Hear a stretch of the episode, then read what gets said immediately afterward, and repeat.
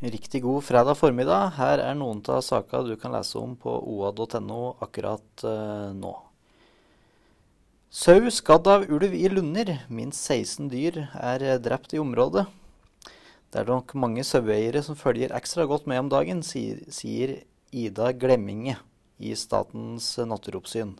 De har de siste uka fått mange meldinger om både skadde og drepte sauer i Romeriksområdet.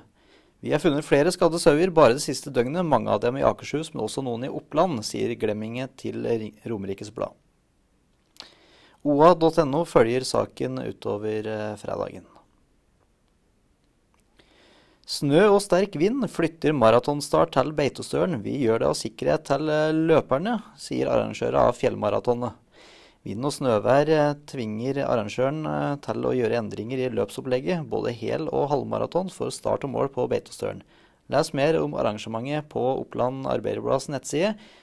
Vi streamer også lørdagens uh, fjellmaraton. Så en sak fra Søndre Land. Sæmund dro i gang, dro i gang igjen friidretten i kommunen. Han gjør, gjør alt for at vi skal lykkes med idretten vår.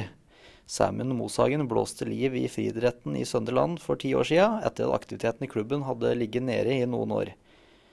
Han sier til OA at han eh, fikk flere forespørsler fra fri, friidrettsinteresserte om å starte opp igjen, siden vi ikke hadde noe organisert tilbud i klubben, og har sjøl interesserte unger og har drevet med friidrett sjøl.